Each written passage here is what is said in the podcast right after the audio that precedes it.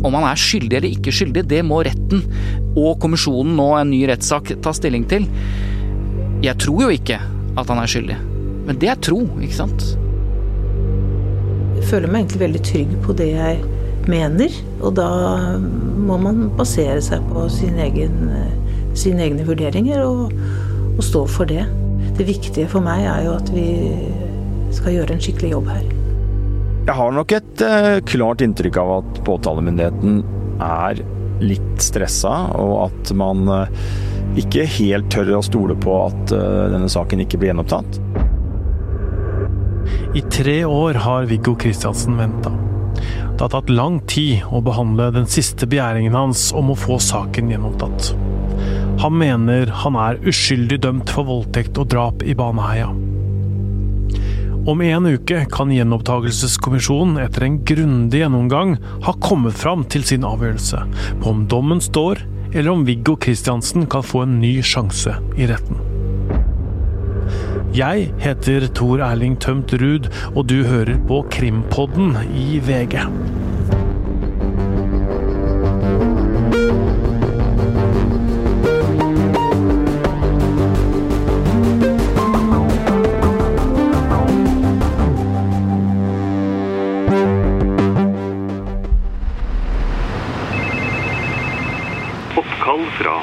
Porttelefon. Hallo?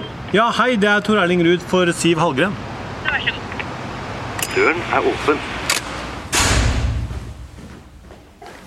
Nå, hva skal vi snakke med deg om? Sist jeg var her, så, så var det med din forgjenger. Ja. Og da flytta akkurat kommisjonen inn i dette bygget. Ja. Og da klarte jeg å rive ned et eh, bilde. Ja, nå tror jeg det henger trygt, men du kan skal- godt ta ja. stolen, stolen litt lenger. Jeg skal jeg skal har prøve. Jeg skal- på det. Prøve å la være.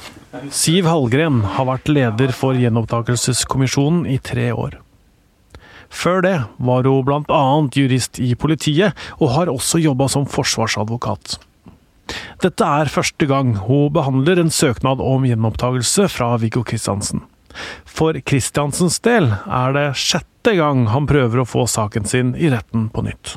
Nå ser vi på dette på nytt, med, og forsøksvis da med nye øyne, og ser på hva som er anført både tidligere og, og denne gang. Men det er jo noen hovedbeviser her som de mener er nytt og annerledes. Eh, flere av disse tingene har også vært anført tidligere og har vært tatt stilling til tidligere. Men det kan hende at man ser annerledes på det likevel, så vi må gå nøye inn i det og se, slik at vi kan være trygge på at eh, enten at dommen var riktig, eller hvis man mener at den ikke er det, at man kanskje gjenåpner det. Det er komplisert. For der vi står nå, er ikke dette et spørsmål om skyld eller uskyld. Men om det har kommet noe nytt siden dommen falt, som gjør at det er en rimelig mulighet for at Viggo Kristiansen hadde blitt frikjent i en ny rettssak. Og det er ikke enkelt, for saken er vond. Så det var eh, et nasjonalt traume, og er for så vidt det fortsatt. Krimkommentator Øystein Milli. Noe av det som er veldig spesielt med denne saken, her, um, er at det er to barn som er drept. Det var så opprørende. Det var så um, voldsomt sinne uh, mot den eller de som hadde begått disse handlingene. Uh, mange av oss husker jo veldig godt akkurat hvor vi var og hvor vi sto da nyheten om at jentene var funnet døde kom. De følelsene, det raseriet og det uh, hatet, for det var det det var, mot uh, en eller flere gjerningspersoner, uh, det vokste ganske fort og voldsomt. Og presset for å oppklare den saken her var selvfølgelig deretter. Stine Sofie Sørstrømen og Lena Sløgdal Paulsen hadde gått for å bade i det populære friluftsområdet Baneheia i Kristiansand.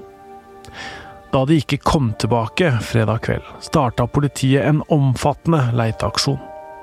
Det var den 19. mai 2000. Etter to dager blei jentene funnet, voldtatt og drept. De var åtte og ti år gamle.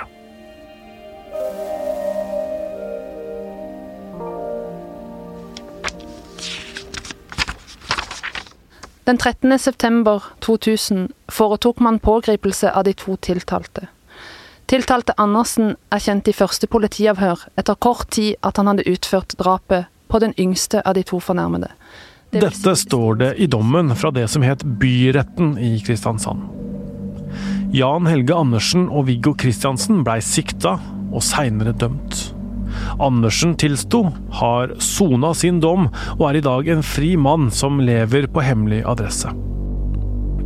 Kristiansen har hele veien nekta skyld, og sitter fremdeles på en forvaringsdom. Om han er skyldig eller ikke skyldig, det må retten og kommisjonen nå en ny rettssak ta stilling til. Jeg tror jo ikke at han er skyldig. Men det er tro, ikke sant? Ehm, men det vil bli ubehagelig for fryktelig mange hvis saken kommer opp og han blir frikjent. Det tror jeg vi kan slå fast. Svein Tore Bergstuen er forfatter, rådgiver og tidligere journalist. Han dekka saken i domstolene, og har hele tida tenkt at dommen har vært riktig. Helt til han leste boka til Bjørn Olav Jahr om Baneheia. Da begynte han å dykke dypere ned i saken på egen hånd. Og så øh, begynte jeg å lese alle liksom, saksdokumenter og, og sånn, og ble litt sånn veldig, veldig nysgjerrig. Og da kom det flere ting, annet DNA-sporet og øh, Så da, etter jeg hadde gjort alt dette, så hadde jeg en veldig så ubehagelig følelse at jeg satte meg ned og skrev en, en kronikk i VG med overskriften 'Tok vi feil'. Og det hadde jeg aldri eh, trodd at jeg noen gang skulle finne på. Og så er det ikke så relevant hva som er nytt nå i forhold til forrige gang eller femte gang eller fjerde gang. Det som er relevant, er eh, hva som er nytt siden han ble dømt. Er det noe som har kommet siden 2000 eller 2001 som gjør at det er rimelig mulighet for at eh, han ikke blir dømt hvis rettssaken settes opp igjen på nytt? Og da eh, skjønner jeg at påtalemyndigheten er veldig, eh, hva skal jeg si, eh, skjelver litt, da. Fordi at det altså i hvert fall sånn som jeg kan bedømme det, så er det åpenbart nok siden han ble dømt, som skaper en rimelig mulighet for et annet resultat. Da.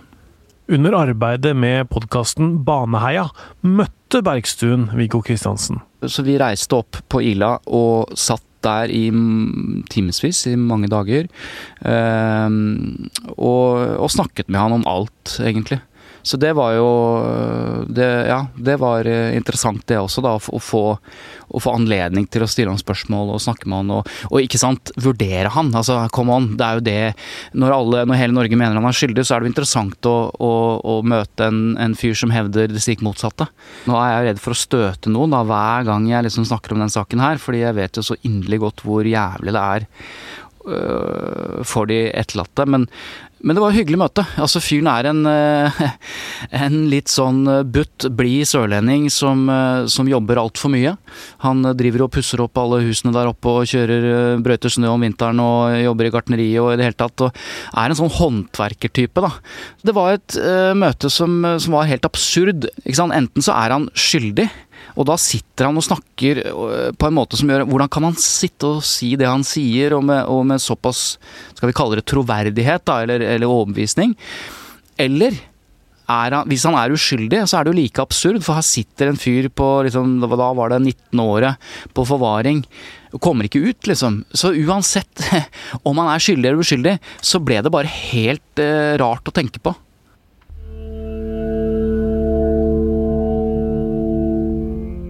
Nå er det Siv Hallgren og Gjenoppdagelseskommisjonen som sitter med saken.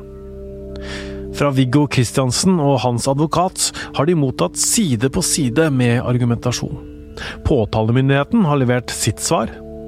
De mener det ikke er noe nytt som har kommet fram denne gangen heller.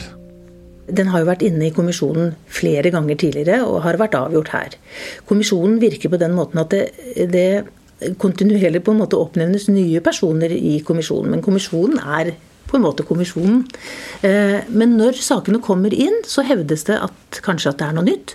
Og da vil vi måtte ta stilling til det. Er det noe nytt? Ikke siden forrige søknad f.eks., eller begjæring, hvis, hvis det er tilfellet. Men er det noe nytt siden dommen kom?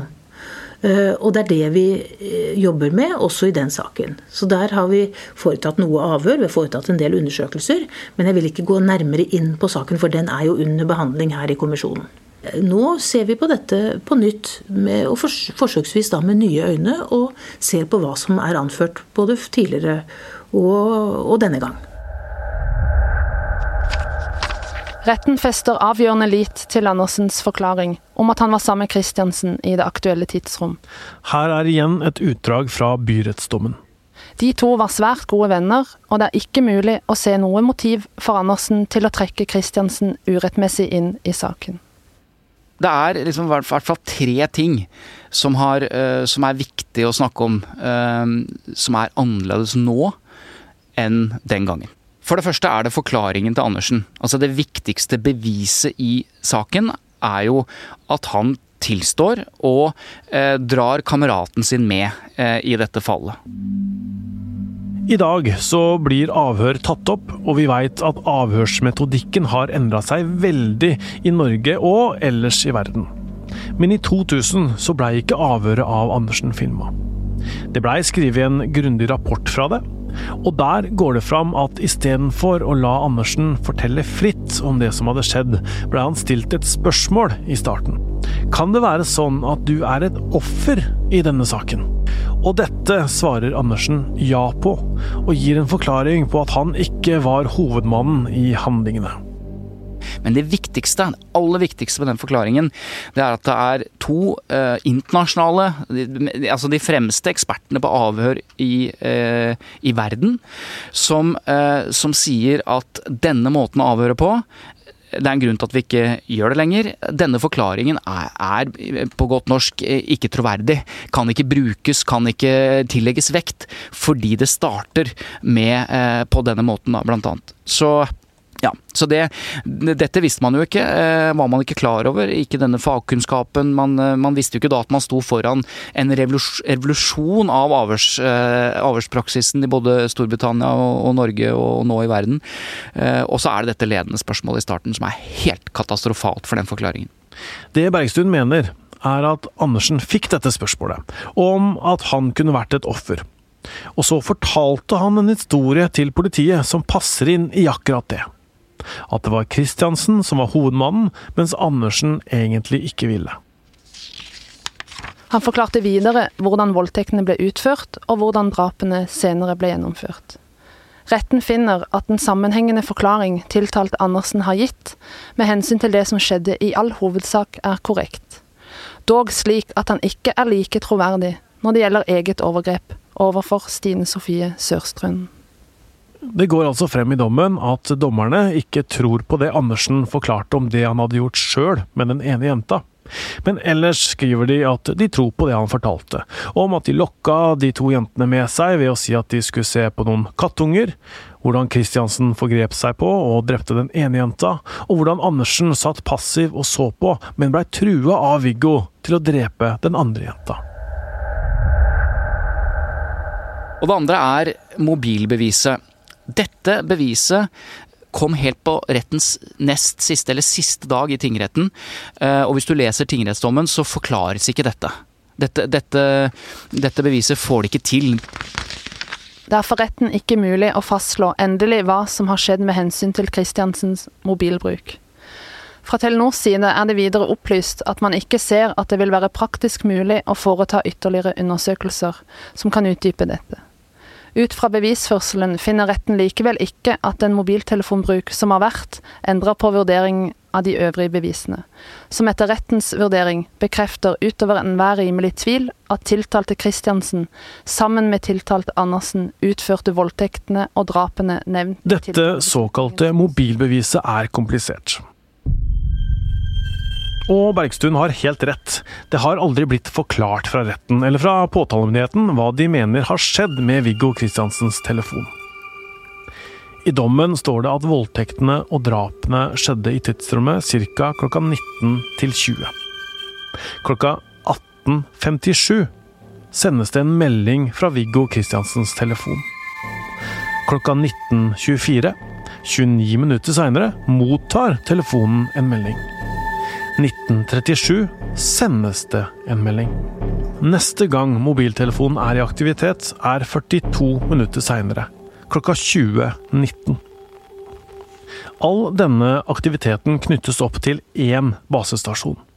Denne basestasjonen dekker området der Viggo Kristiansen bodde, og nord for åstedet. Målinger viser at det er god dekning 400 meter fra åstedet, og svak dekning 150 meter unna. Men gjentatte undersøkelser viser at man ikke knyttes opp til denne basestasjonen når man er på åstedet. Og her er stridens kjerne. Kan denne basestasjonen ha dekka åstedet denne kvelden? Et 100% svar på det vil vi aldri få. En ekspert vitna i lagmannsretten og sa at man ikke kunne utelukke at det kan ha vært dekning. Og dermed så blir det brukt for alt det har vært. Ja, vi hører her, kan ikke utelukke, og se på de andre bevisene, osv. Så, videre. så da men det som har skjedd siden det, for det er det som er interessant når Gjenopptakelseskommisjonen skal behandle det, det er at eh, du har hatt flere eh, sakkyndige som har uttalt seg at dette er et frifinnende bevis. Det er ingen i Norge som har prøvd eller klart teknisk å forklare hvorfor, eh, hvordan han kan være til stede der, og samtidig eh, ha mobiltelefonen knyttet opp til den andre basestasjonen. Så det er ikke teknisk mulig. Så hvordan forklarer påtalemyndigheten det som forsvarersiden mener er et frifinnende bevis? Jo, de fastholder at de mener mobiltrafikken kan skyldes flere ulike hendelsesforløp. Kristiansen kan ha benytta telefonen inn i åstedet. Kristiansen kan ha bevega seg mot et område det var dekning etter drapene, for Jan Helge Andersen har forklart at Kristiansen var borte fra åstedet en periode, uten at Andersen visste hvor han var. Mobiltelefonen kan ha blitt benytta på vei tilbake fra åstedet. Og det kan også ha vært dekning på åstedet. Uansett hvordan man vrir og vender på tider og dekning, er det klart at mobilbruken til Viggo Kristiansen kompliserer saken for politiet. Det tredje og siste eh, som er verdt å bruke tid på, og som forsvarerne til Viggo Kristiansen bruker mest kraft på, det er det såkalte DNA-beviset. Kort fortalt så slo retten fast den gangen at uh, det var bevist gjennom DNA at det måtte være to gjerningspersoner. Det forhold at man har funnet DNA fra to forskjellige menn, er videre et vesentlig bevis når man skal vurdere troverdigheten av Andersens forklaring, når han hevder at Christiansen var med i Baneheia og utførte drapene og voldtektene. Det ble til og med sagt av aktor, eh, som tolket dette etter at rettsmedisinsk hadde forklart seg, at hvis det ikke var Viggo Kristiansen som var gjerningsmann nummer to, hvem skulle det da vært? Så Jan Helge Andersens forklaring, sammen med dette beviset som viser at det var to gjerningsmenn, det er veldig sterkt, ikke sant? Dette DNA-funnet blei gjort på et sentralt sted på en av jentene, og det tilhørte ikke Jan Helge Andersen. Det skal for øvrig bemerkes at en svært begrensede DNA-profil som er identifisert, og som stemmer med DNA fra Christiansen, stemmer med tilsvarende profil på over 50% av norske menn. Det er likevel et poeng at analysene er i overensstemmelse med tiltalte Andersens forklaring. Derfor la aktor dette til grunn for et bevis på at det var to gjerningsmenn. Men så har flere eksperter kommet på banen. Så har da nye eksperter som har analysert disse bevisene på nytt, eh, konkludert med, alle tre, en fra Norge, en fra Storbritannia og nå til slutt i år en fra Danmark, sagt, at, sagt basically to ting. Eh, du kan ikke slå fast at det er bevist at det er to gjerningsmenn. Og DNA-beviset slik det ble brukt i retten den gangen, ville aldri kunne blitt brukt i retten eh, i dag. I sitt svar til Gjenopptakelseskommisjonen står påtalemyndigheten fremdeles fast på at det ikke foreligger DNA-analyser som svekker bevisbildet mot Kristiansen. Siden det er funnet DNA på den ene jenta som ikke tilhører Andersen, men som kan tilhøre over 50% av den mannlige befolkningen, mener de at det peker på Kristiansen. Siden de ikke har noen andre kandidater på hvem det kan være. Men spør du forsvarersiden om dette DNA-funnet kan bevise at det var to gjerningsmenn, så svarer de nei. Gjenopptakelseskommisjonen ville hente inn sin egen ekspert for å se på DNA-beviset enda en gang. De fikk danske Fredrik Torp Petersen til å vurdere det. Og Han sier at det ikke kan utelukkes at DNA-beviset kan være forurensa, eller kontaminert som det heter, han mener også at det er helt umulig å si noe om hvor nøyaktig resultatene er. Ja, de kan kanskje brukes til å gi etterforskerne en idé eller retning i etterforskninga, sier han. men sier nei til at prøveresultatet bør brukes som bevis i en rettssak.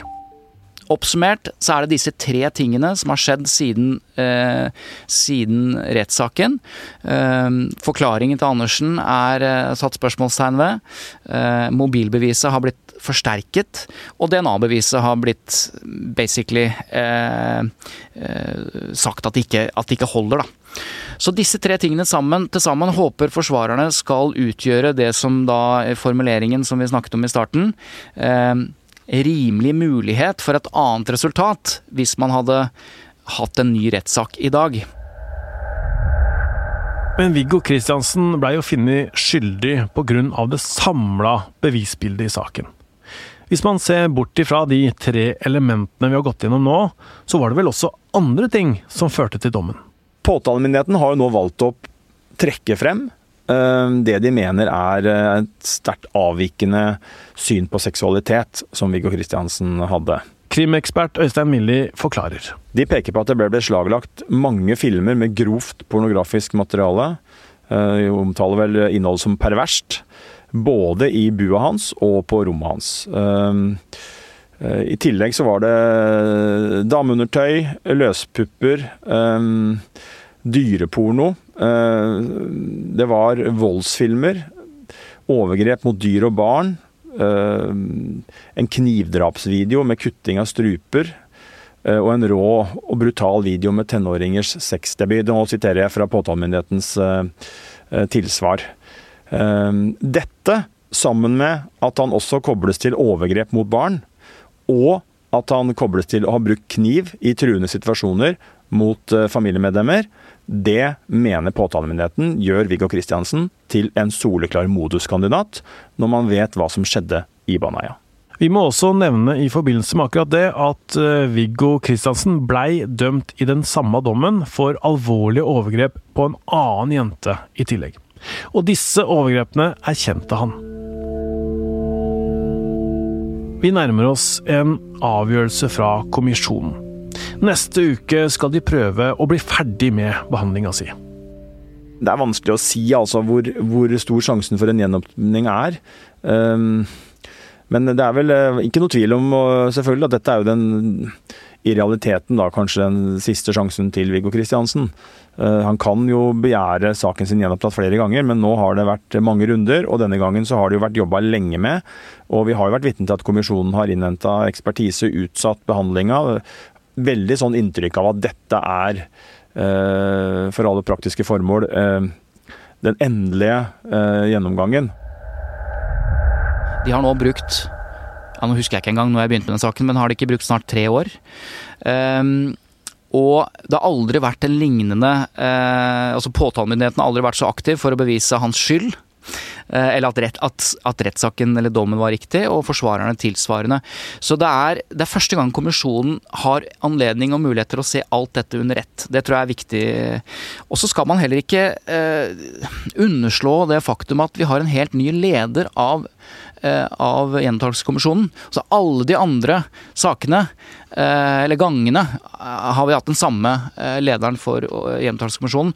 Og da kan man jo også tenke seg, når man får liksom første og andre og tredje og fjerde og femte, sjette gangen, liksom, så er det jo ikke sikkert at, at, den kommisjonen som satt, og lederen som har ansvaret for det, uten å gi noe kritikk for det, evner å se de fellene som man kan gå, gå i, da. Det har nå gått 20 år.